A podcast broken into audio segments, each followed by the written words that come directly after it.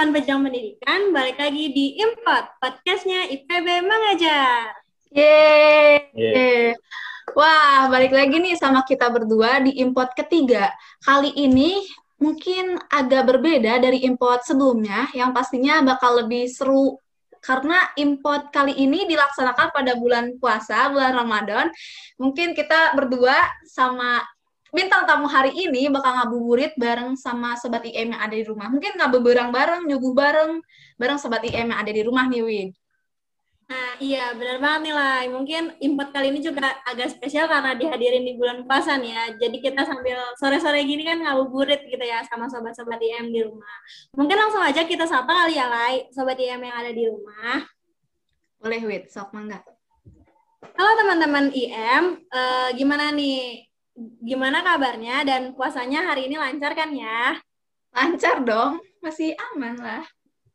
Alhamdulillah, masih lancar-lancar aja nih. Masih masuk minggu kedua gitu, belum ada yang belok-belok ya. Belok warteg apalagi sampai ke warung nasi padang itu jangan sampai lah ya. Duh, jangan sampai wait, masih aman lah, masih hari ke-16 masih oke okay lah. Aman aman aman. Oh ya, hmm. aku mau nanya ke kamu kayak kita tahu ya anak kecil tuh kan suka pada punya cita-cita ya kayak iya aku pengen jadi dokter, aku pengen jadi polisi, aku pengen jadi guru nih. Buat Laili sendiri aku mau nanya apa sih Lai cita-cita kamu pas kecil? Wah, TMI nih. Jadi cita-cita Laili waktu kecil tuh karena mungkin Laili tuh dulu tuh sering banget sesering itu ke dokter gigi. Jadi cita-cita Laili tuh pengen jadi dokter gigi. Tapi sekarang terjun di pertanian. jadi Uh, jadi mungkin dari pengalaman ya sering sakit gigi ke dokter gigi akhirnya penasaran gimana sih uh, pengen jadinya jadi dokter gigi gitu ya lah ya. Bener banget Wid. Nih kalau boleh tahu kamu sendiri cita-citanya waktu kecil mau jadi apa nih Wid? Oh kalau aku, aku tuh kan kayak anak kecil suka main guru-guruan gak sih kayak eh aku pengen jadi guru, aku mau jadi murid gitu. Nah aku tuh dari kecil sering banget berperan jadi guru. Jadi ke bawah sampai sekarang aku pengen jadi guru nih lah. Wah, kebetulan banget nih Wit yang benar-benar kamu tungguin bareng sobat IM yang tungguin banget nih kebenaran banget import kali ini kita bakal ngariung bareng ditemenin bareng sama kakak-kakak pengajar inspiratif dan manajemen dari IPB Mengajar yang bakalan sharing pengalaman mengajar dan mengabdi selama di IM menjadi pengajar inspiratif nih Wid. Wah, jadi mungkin impet kali ini benar-benar aku tunggu ya. Uh, pengen sharing bareng kakak-kakak pengajar inspiratif dan kakak-kakak manajemen dari IM Nila. Bener banget nih, Wid. Kamu tunggu-tunggu deh pokoknya. iya, bener banget. Daripada kita ngulur waktu, mendingan kita langsung sapa aja. Halo, selamat datang buat Kak Susi, Kak Hafiz, Kak Hafifah, dan Kak Fahmi, dan Kak Sekar. Halo, selamat datang. Halo. Halo. Halo. Laili. Halo, Halo Kak. Halo Kak. Hmm. Halo, selamat datang nih buat Kak Susi, Bang Hafiz, Kak Viva, Kak Fahmi, dan Kak Sekar. Apa kabar nih kakak-kakak semua? Alhamdulillah luar biasa. Alhamdulillah ya, masih puasa. Luar biasa ya Kak ya? Alhamdulillah masih puasa. Gimana? Puasa hari ke masuk ke minggu kedua gitu ya Kak? Masih aman nih semuanya? Atau ada yang udah bolong-bolong? kayaknya Susi nggak aman deh. Iya nggak aman kan Susi ya. uh, masih aman lah ya, masih minggu ke-16 masih oke okay lah. Oh iya, uh, kalau boleh tahu nih, kakak-kakak ini di IM jadi pengajar inspiratif dan manajemen keberapa ya kak, kalau boleh tahu? 2019 itu pas liburan PPKU itu kan ya.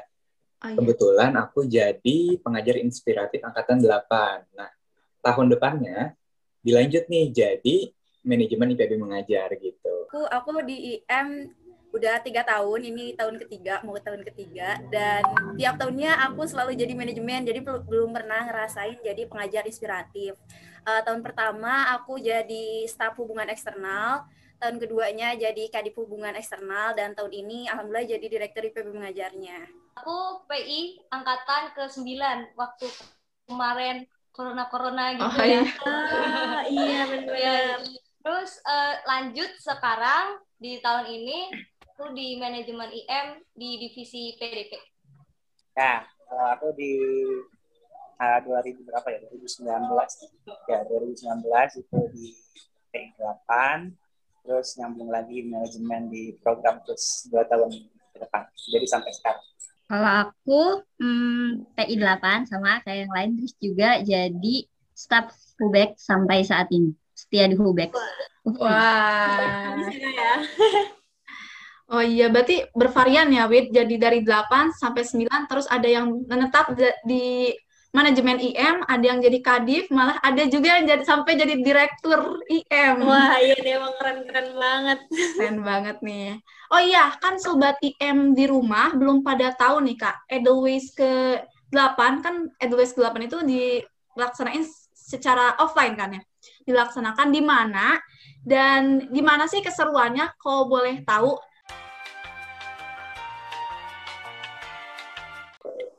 Jadi dulu waktu 2019 atau 2018 sih 2019 ya. Ya, nah, itu Edelweiss itu diadain secara offline karena alhamdulillah belum corona ya. Di Desa Malasari, seseru nah, itu, separah itu. Di SDN 4 Malasari dan itu seru banget sih seseru itu, separah itu. Karena benar-benar kita berinteraksi langsung kan sama masyarakat di desa sana dan selama kurang lebih 21 hari. Sebenarnya lebih sih, lebih dari 21 hari dan itu keren banget sih separah itu soalnya beda banget baik lingkungan dan keadaan sosial dengan keadaan kita sekarang ini jadi shock gitu shock tapi bahagia seneng gitu deh Iya. Wah, filmnya lebih kerasa ya kayak kalau offline kayak langsung gitu ya kayak. Ya? Iya betul banget. Langsung gitu. Kalau buat Bang Hafiz sendiri apa nih kak keseruannya selama menjadi Edelweiss ke-8? Ya. Nah uh, gimana ya? Seru seru banget sih. Maksudnya um, kan kalau sebenarnya antara seru sama prihatin juga sih ya. karena kan aku kan kalau kan aku kan compare-nya kan sama lingkungan aku sendiri ya. Asalkan dari Bengkulu. Yang konteksnya itu kan orang belum tahu ya. Kalau aku sebut Bengkulu aja provinsi itu orang belum tahu. Apalagi kalau aku sebut kabupaten gitu kan aku tinggalin gitu kan Bengkulu Selatan. Nah tapi kalau dibandingin sama Bogor gitu. Tapi fasilitas yang aku punya itu ternyata jauh lebih ya bagus ketimbang mereka gitu yang konteks saya di Bogor jadi aku sebenarnya seru ya tapi prihatin juga ya gitu karena ya gitu sih. Jadi ya uh, bercampur-campur lah gitu perasaannya ya selama iya. terus iya campur-campur gitu ya bang. Iya. Iya jadi kalau Edelweiss di tahun ke-8 sama tahun ke-9 ini kan berbeda ya. Di mana kalau Edelweiss ke-8 ini secara offline dan Edelweiss ke-9 ini secara online. Nah, buat Edelweiss ke-9 ini nih kan diganti ya sama Imbus. Setahu aku karena dilaksanain online itu karena kita semua tahu ya karena pandemi jadi kita diharuskan uh, di rumah masing-masing gitu. Tapi kita tetap bisa ngelaksanain Edelweiss ini. Hanya uh, namanya mungkin sekarang jadi Imbus gitu. Nah, buat Edelweiss tahun ini yang kita sebut Imbus, uh, boleh dong Kak Sekar bantu sharing-sharing ke Sobat IM di rumah, gimana sih rasanya Edelweiss secara online, Kak?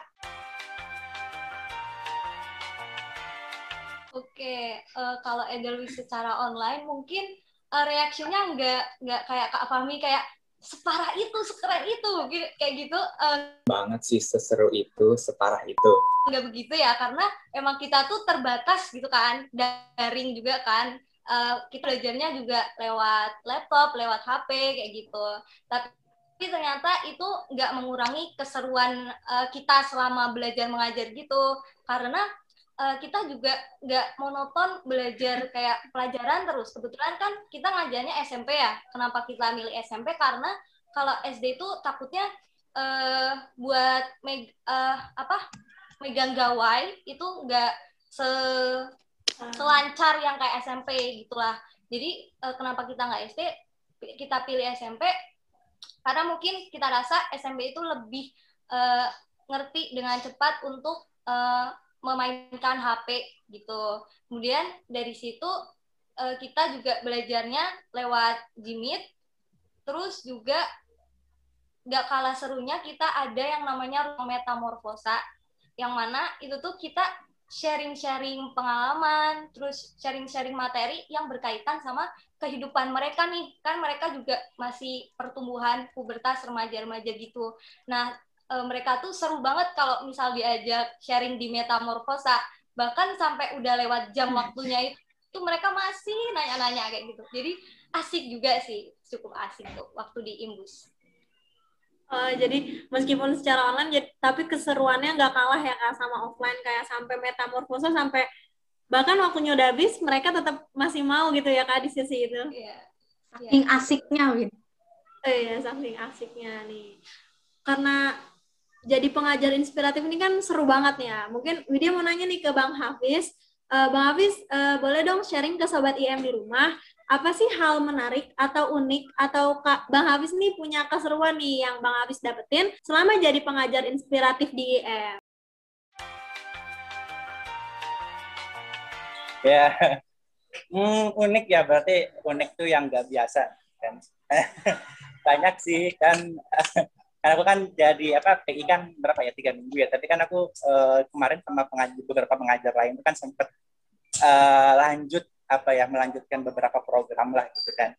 Uh, jadi agak lama juga bolak balik ke sananya itu. Jadi untuk pengalaman yang unik sih banyak ya. Aku tuh pertama kali kecelakaan motor tuh pas anyway sebelumnya aku tuh gak pernah sama sekali jatuh dari motor. Karena aku tuh mana ya pertama bawaannya dari ayah itu kan polisi ya. Jadi selalu menegaskan tata tertib aturan bermotor itu dengan sangat baik dan aku sangat patuh gitu kan. Tapi pas ketemu trek yang sebegitu. Ekstrimnya ke Malabar empat tuh jadi kan aku belum pernah bawa motor ke daerah ekstrim kan. Ya, aku berani-berani aja gitu kan berani cobain uh, bawa motor ke daerah yang seperti itu. Ya itu pertama kali aku pas ketemu turunan tuh aku pas kayak rem depan. Karena kaget kan udah pertama kali aku jatuh ya.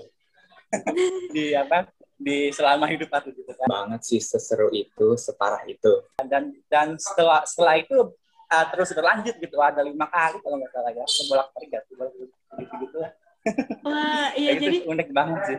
Iya, ya unik. jadi ya gitu. Karena unik begitu banget begitu ekstrimnya jalur sana tuh kayak lagi turunan tuh jalan jelek gitu kan. Mana udah turunan mana udah tanjakan terus jalannya juga berbatu-batu gitu. Jadi ya kalau nggak terbiasa memang ya harus jatuh dulu gitu baru ngerasain atmosfer trek nah jadi gitu sih mungkin beberapa pengalaman terkait jalur ya. Terus kemudian ya eh, memang itu apa hmm, gimana ya kayak yang tadi tuh ya kayak keprihatinan itu kan memang uh, unik. Ketemu anak-anak yang unik juga sebenarnya. Walaupun uh, kondisi di sana itu ya kita bilang riskan ya memperhatikan memperhatikan terkait dengan kekurangan fasilitas pendidikannya tapi di balik semua itu ternyata masih banyak gitu kan eh, anak-anak uh, yang punya semangat juang yang bagus itu juga pengalaman unik sih menurut aku kan karena aku itu kan pertama kali aku volunteer gitu ya untuk bidang pendidikan itu kan ini dari ya, iya. Hmm. Seru banget sih bang. Sampai wah ngetreknya jadi bener-bener atau gitu ya. bang ya. Bener ya bener-bener. Apalagi kalau motornya itu kayak motornya jagat. Iya, iya. Kan yang remnya itu pas pas pencet kayak Wah, ya seru banget nih. Bang, cerita dari Bang Habis emang seru banget. Uh, karena mungkin Edelweiss ke-8 juga offline gitu. Jadi ceritanya mungkin lebih banyak dan lebih seru gitu. Uh, boleh dong Bang Fahmi tambahin nih keseruan yang Bang Fahmi. Selain Hafiz, dulu aku juga kan naik motor di sana dan juga jatuh juga. Oh, oh jatuh juga? iya. Terus hal seru lainnya sih kebetulan kan aku dulu itu ngajarnya kelas 1 nih sama Kadina. Bu, kalau ngajar kelas 1 nih ya, kita itu kan kalau di kelas di kanan kirinya itu jendela ya. Nah, kita itu nggak bisa ngeliat keluar. Coba kenapa? Karena hutan. Salah, salah. Kenapa tuh, Kak? Karena kalau kelas satu itu semuanya itu dianterin sama orang tuanya, terutama oh, ibu-ibu.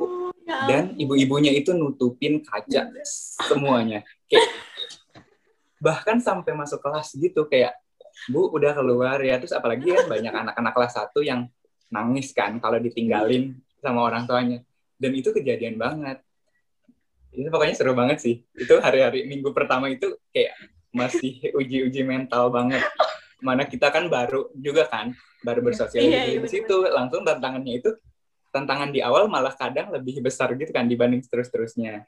Nah selain itu sih yang bikin aku senang banget karena kita ngajar kelas 1, jadi banyak banget anak-anak di sono yang belum bisa baca bahkan uh, mengenal huruf. Jadi senang banget karena bisa menjadi orang pertama yang ngajarin anak-anak itu membaca itu senang banget sih parah. Jadi kayak semoga uh, bisa jadi pahala jariah gitu ya. Iya, amin. Gitu.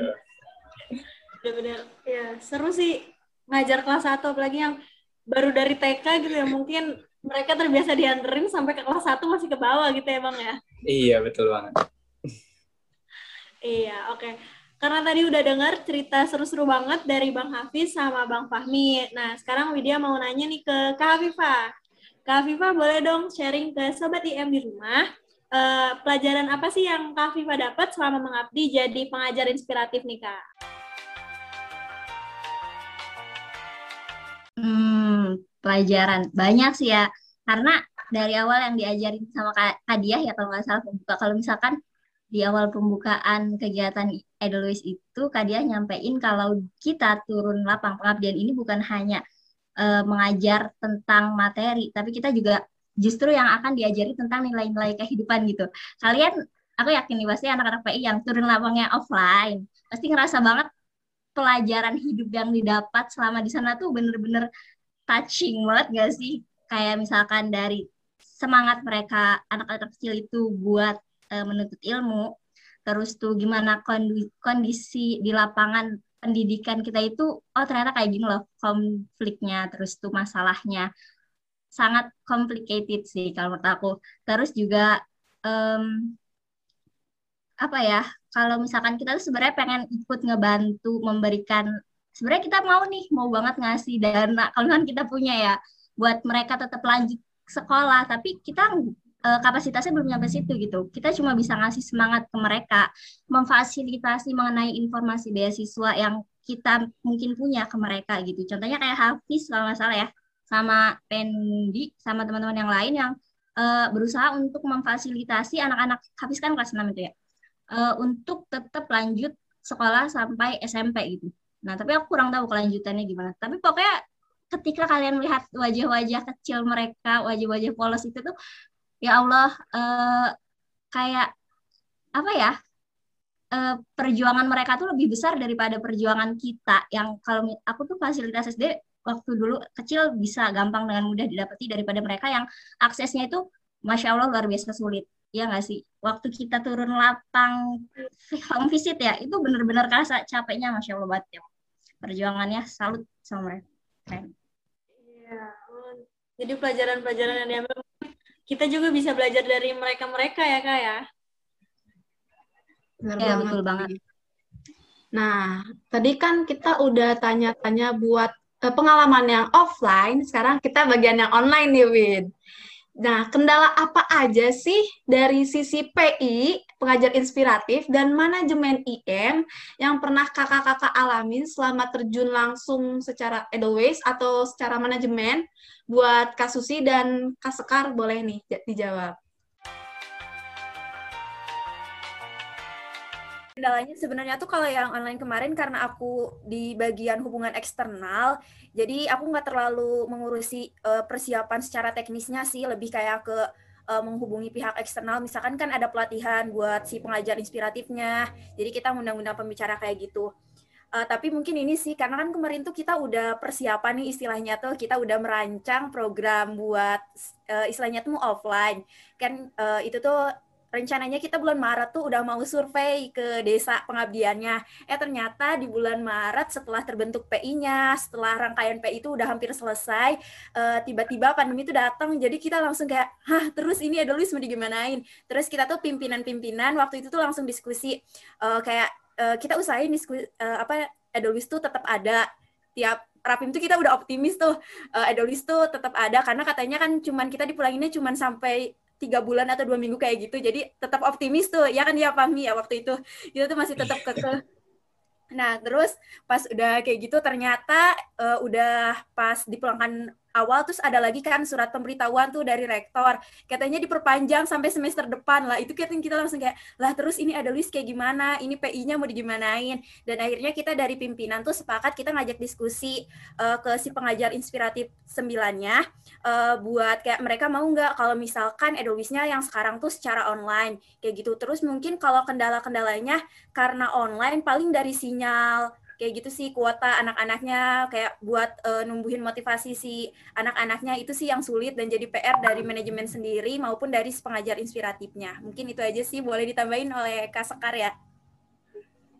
Ya Kak Sekar, sok mangga Kak Sekar. Oke, uh, izin izin nambahin sebelumnya mau ah kasih applause banget buat manajemen IM yang kemarin yang bener-bener preparing uh, buat apa ya Edelweiss positif positif ayo ayo kita bisa kita bisa. Dan ternyata diganti ke imbus. Dan imbus itu benar-benar uh, suatu capaian program yang uh, apa ya yang diinisiasi dengan super duper cepat tapi juga uh, dalam keberjalanan programnya itu alhamdulillah kita bisa katakan uh, cukup lancar lah ya. Karena emang dari respon anak-anaknya gitu juga uh, kitanya juga baik gitu. Feedbacknya itu mereka sangat-sangat menikmati imbus ini. Uh, kemudian kalau kendalanya itu udah disebutin tadi sama Kak Susi uh, terkait sinyal kayak gitu ya. Kemudian juga selain itu karena kita tuh uh, kayak ngadep laptop jadi uh, kurang bisa berinteraksi secara langsung gitu. Kayak kurang greget gitu. Kalau misal kakak-kakak yang PI 8 kan oke okay, di kelas ayo kita di sini kita main oke okay, ayo kita pindah yuk keluar ayo kita main kayak gitu. Mungkin cara belajarnya itu lebih uh, apa ya bermacam-macam bervariasi. Sedangkan kami itu kayak ya udah ayo kita main kuis ayo kita nyanyi ayo kita apa deh pokoknya yang bisa dilakuin ya depan depan layar gitu. Jadi uh, itu sih uh, salah satu kendalanya. Uh, ada juga yang mungkin lucu ya menurut aku karena itu mungkin agak ke distrak sama uh, kak izin mau main bola kayak gitu kan lucu banget kayak uh, ayo kita belajar dulu ya ayo kita belajar dulu nanti main bolanya setelah belajar ya gitu. Uh, terus ada lagi kamu maaf ini uh, baterainya habis chargernya hilang kayak, gitu. Jadi oh ya Allah lucu, lucu banget. Jadi kayak kitanya oke okay deh oke okay, nggak apa-apa. Uh, tapi selama pembelajaran itu yang bikin kitanya senang meskipun berbagai kendala yang ada mereka tuh tetap semangat buat ngerespon kita. Terutama aku kelas 7 ya aku di bagian kelas 7 mereka itu semangat banget buat ngerespon kita dan interaktif juga sama kita. Jadi kitanya juga uh, abis kuliah kan biasanya itu ngajarnya di sela-sela kesibukan kuliah gitu sempetin juga buat ngajar dan mesti mesti kadang ngerasa kayak aduh capek abis kuliah kayak gini tapi ketemu lagi sama adik-adiknya seneng lagi hmm. gitu loh sama adik-adiknya karena mereka juga uh, ngasih respon yang positif ke kita interaktif jadi kitanya juga kembali semangat buat uh, ngajar mereka gitu deh Iya, Wak. jadi mungkin kendalanya lebih ke yang online tuh mungkin share screen PPT kadang sinyal gitu ya kak, kadang kayaknya mungkin kurang tepat waktu gitu ya kak ya. Dari kendala-kendala itu, Widya juga pengen nanya hal-hal yang paling dikangenin nih sama kakak-kakak yang pengen banget kakak-kakak ulang kejadian itu nih. Mungkin Widya mau nanyanya buat Kak Viva sama Bang Fahmi nih. Apa sih yang dikangenin sama pengen banget diulang lagi gitu, Kak? Dulu ya. Jujur kalau aku disuruh ngulang kegiatan itu aku pengen banget ngulang uh, apa tuh namanya masa di mana aku tuh dulu pernah buat kesalahan sama anak-anak. Jadi aku pernah nangisin anak kelas 5. Kenapa jarang kelas cuma tega banget aku tuh ya, ya Allah parah banget. Anak orang dibuat nangis. Nah di situ kalau misalkan aku tuh karena maksa dia buat uh, baca surat tertentu, udah aku yakin kamu bisa, ayo baca aja. Gak mau, nggak bisa, kayak gitu nggak bisa. Udah nggak apa-apa baca aja, nggak bisa juga dia nangis. Aku jadi alah panik sendiri dong. Aku tiba-tiba membuat anak orang nangis dan di situ kalau boleh aku ngulang, aku nggak pengen maksa dia supaya aku nggak uh, ada perasaan bersalah sampai saat ini jujur aja sampai saat ini masih ada perasaan bersalah ke yang bersangkutan gitu. Parah banget emang ya. Allah. iya. Tak disuruh maju nggak mau gitu ya kak jadi nangis. Iya, itu kan jadi buat perwakilan anak kelas 5 gitu loh di apa terakhir tuh festival anak ya. Nah, aku yakin dia tuh bisa soalnya ada kelihatan dia ngaji terus sore pokoknya rajin ngaji deh tapi dianya nggak pede ya tapi kan aku oh. pengen niatnya mah pengen membangkitkan rasa percaya diri ujung-ujungnya malah ngedonin dia ya terlalu emang iya bener macam-macam ya kak ya boleh deh dari bang Fahmi gimana nih bang Oh iya, kalau dari aku sih sebenarnya kalau disuruh milih mau ngulang ya mau ngulang semua ya. Karena seseru itu kan. Setuju tapi, banget, Fahmi. Iya, tapi ini banget. loh. Yang seru banget sih yang saat mengajar di kelas sih. Karena kalau kelas satu itu nih ya, misalnya kita kayak siapa yang bisa nulis angka 1 sampai 5. Nah, di kelas itu semuanya harus maju. Kalau nggak maju, iya namanya anak kecil ya. Jadi kalau nggak maju itu kayak ngambek gitu loh. Jadi oh, iya, saat bener, kita ngasih, iya saat kita ngasih tugas nih, siapa yang bisa nulis angka satu? Jadi semuanya harus nulis angka satu. Jadi bisa-bisa kayak setiap sehari itu paling belajar berapa huruf gara-gara semuanya gantian. Nah, selain itu juga setiap jadi pas uh, di kelas itu Pak Fahmi nanti pulangnya mainnya ke rumah saya. Oh. Iya, tapi ternyata nih ya pas main itu kita diapain coba? Kita di ya banyak sih banyak. Uh, aku mengambil salah satu contohnya. Jadi dia itu punya peliharaan kelinci. Jadi oh. dia cuma pengen nunjukin kalau aku punya kelinci nih Pak, gitu. Oh. iya, terus kayak banyak banget sih. Sebenarnya terus kayak kita main-main di sawah, terus kayak main-main di sawah, terus sama ibu-ibunya mungkin kalau di kelas lain momennya sama murid gitu ya. Nah, kalau di kelas satu itu nggak hanya sama murid, tapi sama orang tuanya juga. Jadi pas kita pulang, sedihnya itu, yang nangis itu bukan cuma murid, tapi oh, orang tuanya juga. juga. Jadi, iya, mostly mamah-mamahnya itu pas kita pulang melupin kita, Pak jangan pulang gitu. Oh. Iya. Jadi bukan murid aja kayak pokoknya terus yang bikin semangat terakhir kayak gini mungkin. Uh, kan dulu itu sebagian ada yang di TK dulu sebelum masuk ke SD. Nah, jadi orang tuanya itu pernah beberapa orang tua pernah ngomong ke kita bilang pas kita mau rada-rada pulang itu ya kan kayak seminggu sebelum pulang, Pak jangan pulang, anak saya pas sekolah TK itu kan masuknya jam 8 tapi dibanguninnya susah, nggak mau sekolah. Sedangkan pokoknya IPB mengajar ke sini, jangan, itu kan masuknya jam 7.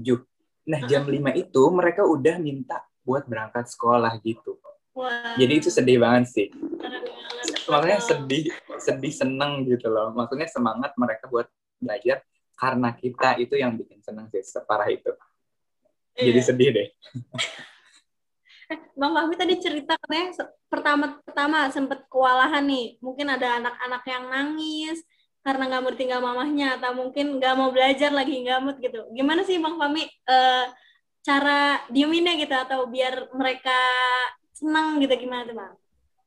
Nah, kalau buat yang kelas 1 kayak gitu sih menurut saya ini kan kayak beda-beda ya setiap orang.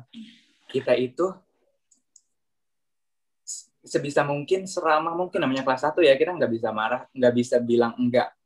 Jadi saat uh, dia bis, misalnya nangis ya udah jangan nangis yuk sama bapak nulis bareng-bareng gitu. Kayak kita harus ngediktein dia megang tangan dia gitu. Kayak pokoknya harus benar-benar dituntun. Jadi capeknya ngajar kelas satu itu bukan kita harus belajar apa cuman sabarnya itu loh harus ekstra banget. Dan mungkin uh, misalnya kalau ada yang mau kencing gitu. Nah dia itu pak saya mau kencing. Jadi jadi kita nganterin nih ke kamar mandi. Terus kita kayak bukan ngencingin ya apa namanya? Kita nungguin iya kita yang nyiramin kita oh. yang iya ya ampun keren banget. Mungkin be kalau nyampe BAB sih enggak kayaknya ya. Cuma kencing aja gitu cuma bener-bener ya kembali lagi namanya kelas satu. Kalau kencing satu ya kencing sekelas gitu. Bener-bener. Bener-bener di ya, luar itu paling. Sih ya iya di luar ekspektasi banget. Apalagi namanya anak teknik ya mungkin terkenalnya sedikit kaku gitu nggak sih? Iya, jadi bener. kita kayak harus benar-benar harus kayak gimana nih caranya gitu biar kayak harus selemes mungkin gitu kan tadi pengalaman dari Kak Fahmi itu ya sampai uh, nemenin ke WC bareng-bareng anak kelas 1. Kalau Kak Hafifah sendiri nih, kelas 6 gimana nih Kak? Apakah nemenin juga atau gimana nih kalau kelas 6? Oh, kalau aku kebetulan kemarin kelas 5. Oh, kalau kelas 5 udah dewasa ya, Hafiz juga kelas 6 kan, Hafiz kelas 6. Uh, anak-anaknya cenderung mudah Oke, kalau setiap laporan nih, setiap malam habis ngajar, kan pasti kita selalu laporan di rumah eh, panitia utama gitu lah ibaratnya. Nah, yang kelihatannya adem ayem dan jarang ada masalah tuh tentunya kelas 5 dan 6 karena mereka cenderung lebih dewasa dan eh, lebih mudah diatur gitu. Terus jadi kalau untuk pengalaman mengajar paling eh, yang menarik sih kayak gimana kita bisa manajemen anak-anak tersebut untuk uh, mau belajar. Karena mereka tuh dikit-dikit maunya main, dikit-dikit maunya main, namanya juga anak-anak ya. Terus oke, okay, eh, ibu kasih kesempatan nih, siapa yang bisa jawab pertanyaan ini, silakan uh, boleh main kayak gitu, ayo. Tapi mereka ujung-ujungnya hmm, karena matematika sih yang masih jadi momok buat anak kelas 5 karena kalau misalkan di desa itu matematikanya sangat sangat ya you know lah ya jadi uh, mereka agak kesulitan kalau misalnya dikasih pertanyaan matematika kalau buat ngejawab uh, pertanyaan sebagai tiket untuk istirahat gitu. Jadi ya mereka mau nggak mau harus nunggu sampai jam pelajaran selesai untuk bisa istirahat gitu. Uh, iya gitu. Jadi mungkin dari pelajaran yang tadi udah disampaikan, dari kisah seru, keseruan, unik gitu, hal-hal yang dikangenin nih, uh, dari kakak-kakak pengajar inspirasi sendiri gitu. Widya mau minta nih satu kata dong kak buat pengajar inspiratif yang bakal ngajar tahun ini nih kak.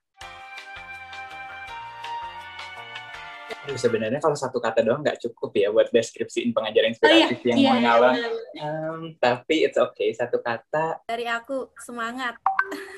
Calon pengajar inspiratif yang semoga aja offline karena kita sangat menanti-nanti kalau offline eh, nikmati. Nikmati semua prosesnya nikmati aja. Ya semangat juga. Lebih susah dari kalkulus ya ini. Uh, mungkin coba. Oke kalau dari aku mungkin satu katanya ceria. Jangan lelah buat ceria gitu. Karena aku lihat kakak-kakak PI itu benar-benar ceria banget buat ketemu adik-adiknya gitu terlepas dari uh, kelelahan kesibukannya mereka tetap bisa gitu smile uh, ngasih efek-efek positif buat adik gitu. Jadi ceria. Wah, iya. Jadi dari kakak-kakak pengajar inspiratif ini nih buat teman-teman calon pengajar inspiratif itu jangan lupa semangat, dicoba, dinikmati, dan selalu ceria. Nah, oh ya, mungkin Widya mau nanya lagi nih ke Bang Habis. Bang Habis boleh dong uh, share ke Sobat IM di rumah, uh, buat Edelweiss tahun ini tuh pelaksanaannya kan berbeda dari tahun-tahun sebelumnya. Uh, boleh dong buang, buat Bang Hafiz, buat sharing ke sobat-sobat IM di rumah nih yang mau jadi calon-calon P ini gimana nih Bang?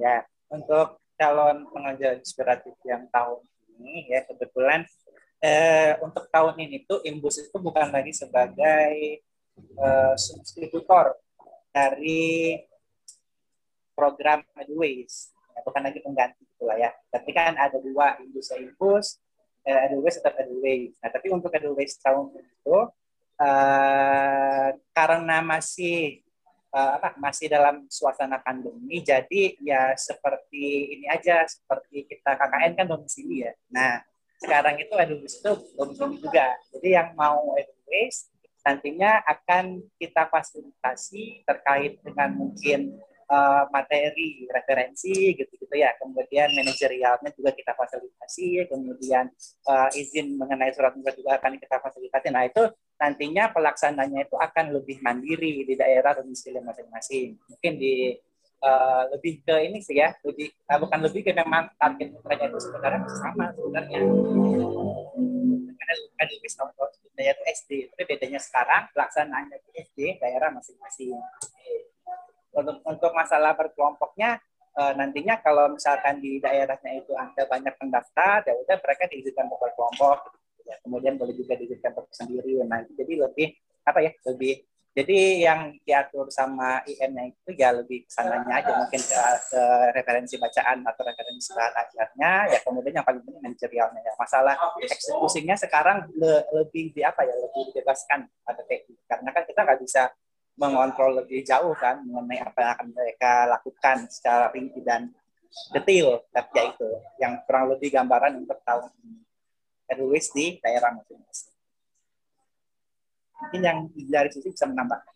Ya, boleh nih buat Kak Susi, kasih prosedur apa aja yang harus dilakuin selama untuk para pengabdi pengajar inspiratif pada tahun 2021 ini. Oke, kalau karena tahun ini emang beda banget, ada Luisnya, ini baru pertama juga kita karena kan pandemi pada di rumah aja dan kemarin tuh dari pimpinan IM-nya sendiri tuh kayak kita mikir biar ada Luis tetap terlaksana tuh mau kayak gimana.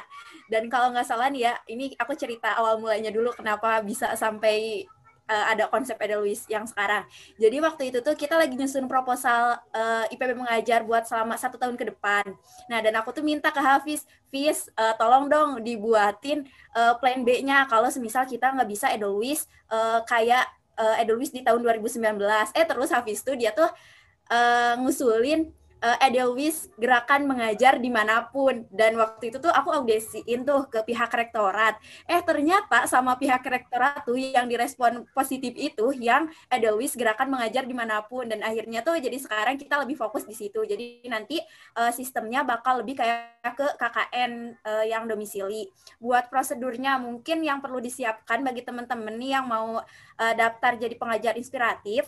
Yang pertama uh, kalian cari teman dulu cari cari kelompok karena untuk tahun ini uh, kita oprek pengajar inspiratifnya bukan per individu tapi kita ada uh, kelompok. Kelompoknya itu minimal dari 2 sampai 6 orang. Kayak gitu. Terus kalau misalkan Kak uh, nanti di daerah aku tuh cuma adanya satu orang tapi aku pengen banget ikut di kegiatan Edelweiss nggak apa-apa nanti uh, kita akan fasilitasi juga dan kalau teman-teman misalkan mampu buat mengabdi selama empat kurang lebih 40 hari satu orang ya nggak apa-apa nanti kita akan bantu kayak gitu terus apalagi nanti itu di form pendaftaran uh, teman-teman juga disuruh mengisi uh, mitra tujuan atau target mitra selama pelaksanaan Edelweiss. Jadi kan di domisili masing-masing. Nah, teman-teman tuh harus punya nih mitranya ke siapa? Mau ke sekolah, panti asuhan atau misalkan kayak ke lembaga masyarakat kayak gitu. Nah, nanti dari kita akan ada seleksi berkas. Setelah diseleksi, uh, nanti tuh akan diumumkan nih siapa aja yang keterima dan terpilih menjadi pengajar inspiratif. Uh, setelah itu nanti ada IM training. IM training itu kan kalau dulu uh, pengajar inspiratif tuh didiklat dulu ya sebelum jadi PI itu mereka tuh udah didiklat. Nah, kalau sekarang sistemnya kita setelah mereka jadi pengajar inspiratif baru kas kita kasih pembekalan-pembekalan uh, untuk mereka melakukan pengabdian selama 40 hari. Nanti pengabdian uh, IM trainingnya bisa uh, materi tentang kepemimpinan, cara mengajar anak-anak yang baik kayak gimana. Terus nanti juga kita uh, bakal ngundang pembicara-pembicara yang insya Allah keren banget. Nah, terus untuk selama pelaksanaannya, uh, selama pelaksanaannya tuh nanti masing-masing uh, kelompok itu bakal uh, ada mentornya. Mentornya itu dari manajemen IPB mengajar. Nah, jadi nanti manajemen IPB mengajar tuh kalau dulu kan kita ikut uh, istilahnya tuh monitoringnya secara langsung. Nah, nanti mungkin kalau yang sekarang kita lebih monitoring secara online. Jadi nanti manajemen IPB mengajar tuh bakal dibagi jadi koordinator pusat, koordinator wilayah, dan ada uh, koordinator lapangan kayak gitu untuk uh, biar kita bisa terus memantau perkembangan kegiatan Edelweiss di domisili masing-masing itu bisa terlaksana atau enggak. Nah, nanti si PI-nya mereka turun pengabdian setelah 40 hari, nanti kita uh, di akhir insya Allah uh, kita juga bakal ngadain loka karya sama tahun ini kita ada sedikit yang spesial. Insya Allah kalau jadi kita tahun ini pengen menerbitkan buku lagi. Jadi kan IPP Mengajar dulu pernah menerbitkan buku. Nah, tahun ini kita pengen lagi nih buat buku uh, untuk seri keduanya, buku jejak-jejak pengabdian yang dilakukan sama pengajar inspiratif selama di rumah aja di masa pandemi COVID-19. Mungkin itu aja sih yang nanti uh, gambaran secara kasarnya. Untuk lebih lanjutnya nanti bisa langsung follow IG IPB Mengajar karena semuanya ada di situ kayak gitu.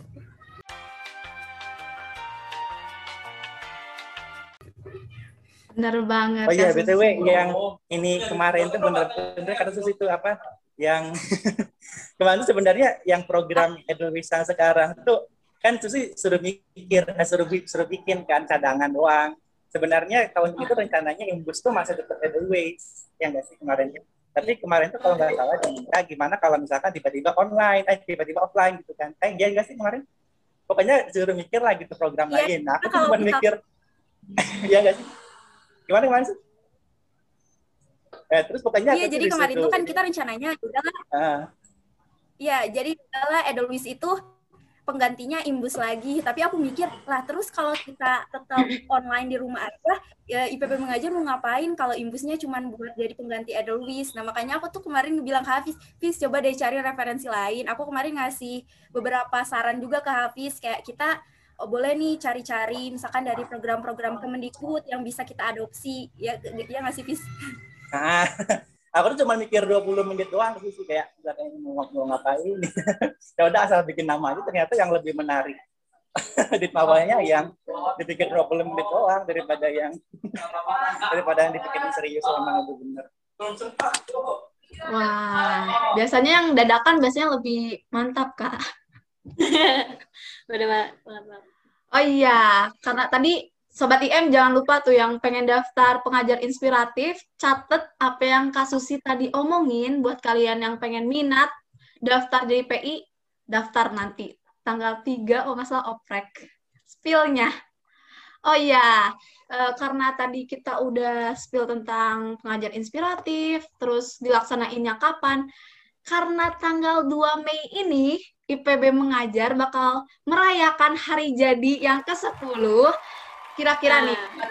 kakak-kakak PI dan manajemen yang hari ini hadir di import ketiga, apa yang mau kakak sampaikan buat IM ke depannya?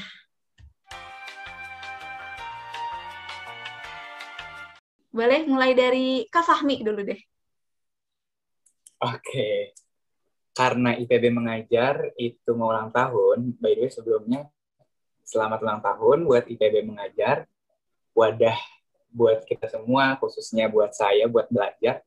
Semoga IPB Mengajar tetap menjadi wadah yang bisa menginspirasi orang-orang untuk tetap berbuat baik, khususnya di bidang pendidikan untuk masyarakat Indonesia lah, untuk untuk anak-anak Indonesia. Dan terlepas lagi, IPB Mengajar itu mengajarkan saya bahwa pengabdian itu nggak harus besar banget yang penting kita bisa pokoknya yang kita bisa mengabdi ya tadi dengan tagline IPB mengajar langkah kecil untuk mendidik kita.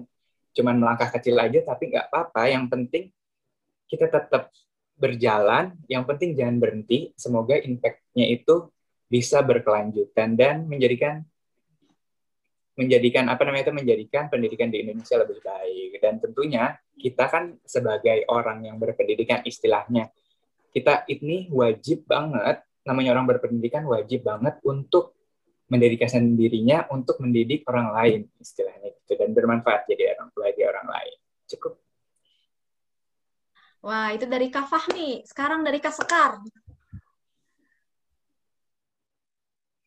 Oke, uh, nyambung dari tadi kata Kak Fahmi itu uh, bahwasanya IPB mengajar itu terus uh, berkontribusi di bidang pendidikan meskipun langkah kecil untuk negeri gitu ya tapi bakalan berdampak banget uh, buat pendidikan. Dan kita pun kayak di masa online di masa pandemi ini kita kan emang nggak melangkah maksudnya nggak melangkah jauh ke mana-mana kan kita stay at home. Tapi uh, meskipun kita nggak melangkah lebih jauh kita uh, jangan berdiam diri aja gitu. Kita tetap uh, do something yang bisa buat uh, apa yang bisa buat pendidikan itu tetap berjalan dan uh, salah satunya berkontribusi di IPB mengajar itu pendidikan juga itu akan ter terus berjalan. Bener banget Kak Sekar. Kalau buat Kak Hafifah sendiri gimana nih Kak? Buat IM. Aduh, uh, harapan, eh harapan, ucapan doa buat IM ya Barakallahu Umrik. Semoga makin uh, jaya, makin memberikan inovasi-inovasi yang luar biasa karena selalu saya IPB mengajar ini jadi acuan soal ukur buat game-game yang lainnya. Se sebegitu menginspirasinya IM ini, masya Allah banget. Jadi saya bangga menjadi bagian dari IPB mengajar.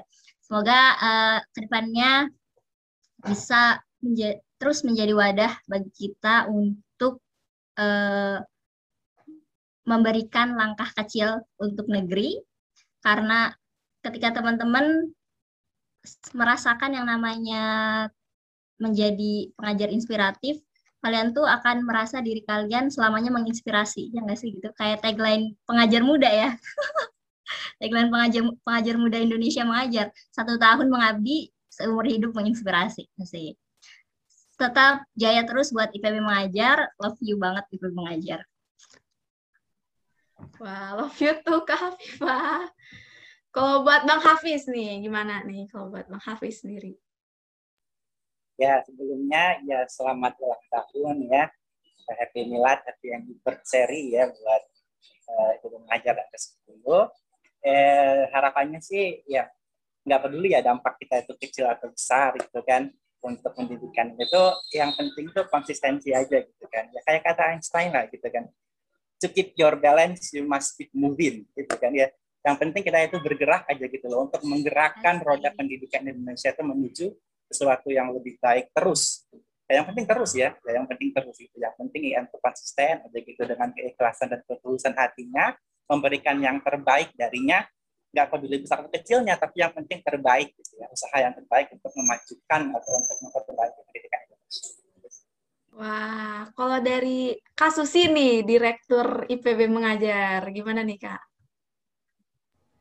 Oke, kalau dari aku ya untuk IPB mengajar, yang sekarang semoga IPB mengajar tuh bisa terus berdedikasi dan berkontribusi uh, buat pendidikan Indonesia. Kata Hafiz tadi ya benar banget, uh, nggak perlu dilihat dampaknya besar atau kecil, tapi yang penting kita bisa konsisten. Karena uh, aku pernah ikut salah satu webinar dari Mbak Najla Sihab, dia tuh bilang kalau pendidikan itu nggak uh, apa ya istilahnya tuh butuh waktu yang lama kalau kita pengen merubah pendidikan Indonesia. Waktu 10 tahun, 15 tahun, 20 tahun itu nggak cukup. Nah, makanya dari itu uh, eh, IPB mengajar mungkin sekarang belum bisa memberikan dampak yang begitu besar buat pendidikan Indonesia, tapi kalau IPB mengajar terus bisa berkonsisten, terus bisa ambil perannya dan bisa menjadi role model buat gerakan-gerakan mengajar lain sesuai visi misi IPB mengajar ya. Uh, mungkin uh, nanti kita sama-sama bisa saksikan nih dengan adanya IPB mengajar uh, pendidikan Indonesia ada sedikit kemajuan lah kayak gitu. Kayak gitu sih terutama buat orang-orangnya ya buat manajemennya buat pengajar inspiratifnya. Uh, semoga uh, karena di apa ya di jalan pengabdian itu kan agak istilahnya tuh nggak banyak apresiasi dari luar tapi cuman bisa kita yang mengapresiasi diri sendiri. Makanya aku mengucapin terima kasih banyak sih buat teman-teman IPB mengajar yang masih konsisten uh, sampai sekarang membuat IPB mengajar tuh selalu banyak disoroti sama gerakan-gerakan mengajar lain sama media-media. Hampir tiap hari gitu ya ke aku sendiri tuh ada yang nanya kak IPB mengajar lagi ngapain nih sekarang? Kak boleh sharing-sharing nggak ke uh, kegiatan IPB mengajar begitu. Itu ya apa IPB mengajar tuh sangat dilihat gitu sama orang makanya bisa terus konsisten lah istilahnya. Kayak gitu sih kalau dari aku. Wah, iya, amin amin. Mudah-mudahan doa baik-baiknya semua balik ke kakak-kakak pengajar inspiratif sama kakak-kakak manajemen yang udah ngabdi di IM. Itu mungkin terakhir buat kasus ini sesuai yang tadi, boleh dong kasus kasih ke kasih tahu ke sobat IM di rumah closing statement kali ini tentang oprek PI biar teman-teman di rumah nih yang pada kepo tentang oprek PI ini bisa pada tahu nih Kak.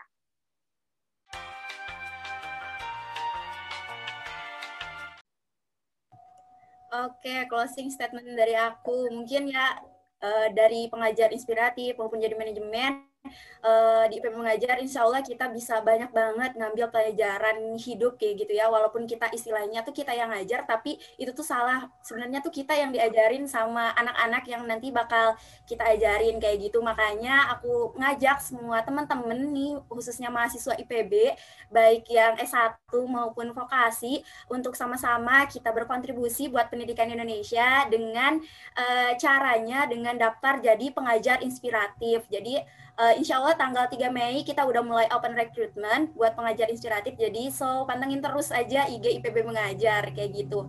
Di situ udah komplit banget kayak gitu. Intinya uh, kalau tagline IPB mengajar tuh berkarya untuk negeri, tebarkan dedikasi, bangun Indonesiaku. Jadi aku mengajak semua mahasiswa IPB untuk sama-sama uh, berdedikasi lah untuk negeri kayak gitu.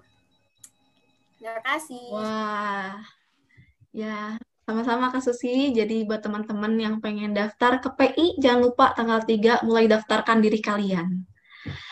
Uh, eh, BTW, Wit, gak kerasa banget nih, udah kurang lebih satu iya, jam. Iya, gak kerasa ya. Kita ngabuburit, gak kerasa banget, Wit. Kita ngabuburit bareng-bareng kakak-kakak pengajar inspiratif dan manajemen IM. Uh, eh, ngebahas tentang oprek atau pengajar inspiratif pengalamannya mulai dari pengalaman keseruan unik dan menarik dari kakak-kakak yang tadi seru banget ngebahas tentang pengajar inspiratif, mengabdi. Nah, buat kalian, para sobat IM yang masih kepo tentang pengajar inspiratif, boleh langsung cek Instagram account-nya official, Instagram account-nya IPB Mengajar, mulai dari website, uh, line, Twitter, karena di sana kita bakal ngasih info terlengkap, ter-up to date tentang pengajar inspiratif yang bakal oprek tahun 2021 ini. Makasih buat kakak-kakak, buat Kak Fahmi, Bang Hafiz, Kak Susi, Kak Sekar, Kak Hafifa yang udah datang, yang udah hadir sore ini ngabuburit bareng kita. Makasih banyak. Sama-sama. Sama-sama, ya, makasih ya. banyak juga loh udah diundang ya. Ya semoga ada manfaatnya ya, ya Bang apa deg-degan sih pas di tahu diundang jadi bagian dari IMPOT. Aduh, deg-degan suruh ngapain nih? Rame nih Kak, tadi bincang-bincangnya rame banget. Iya. Buat makasih juga nih buat sobat IM yang ada di rumah yang udah dengerin kita dari awal sampai akhir. Makasih banyak buat sobat IM dan kakak-kakak pengajar inspiratif dan manajemen. Iya, mungkin uh, mohon maaf kalau ada salah-salah kata dari aku sama Laili. Mungkin sekian aja dari aku sama Laili. Semangat teman-teman di rumah buat ngejalanin puasanya. Semangat juga buat kakak-kakak. Semoga puasanya lancar sampai hari terakhir. Amin. Dan semoga Amin. kita ketemu ya di impas selanjutnya. Iya, benar banget. Ini Kak, Laili, uh, aku ada sedikit pantun sebelum penutupan. Apa tuh, Win? Oke. Okay. dalang benerin lampu. Cakep. Cakep. Ah, masak ayam betutu. Cakep. Cakep. Sampai jumpa lain waktu. Assalamualaikum warahmatullahi wabarakatuh. Sampai jumpa. Waalaikumsalam warahmatullahi wabarakatuh. Salam. Yeay. Terima kasih banyak kakak-kakak.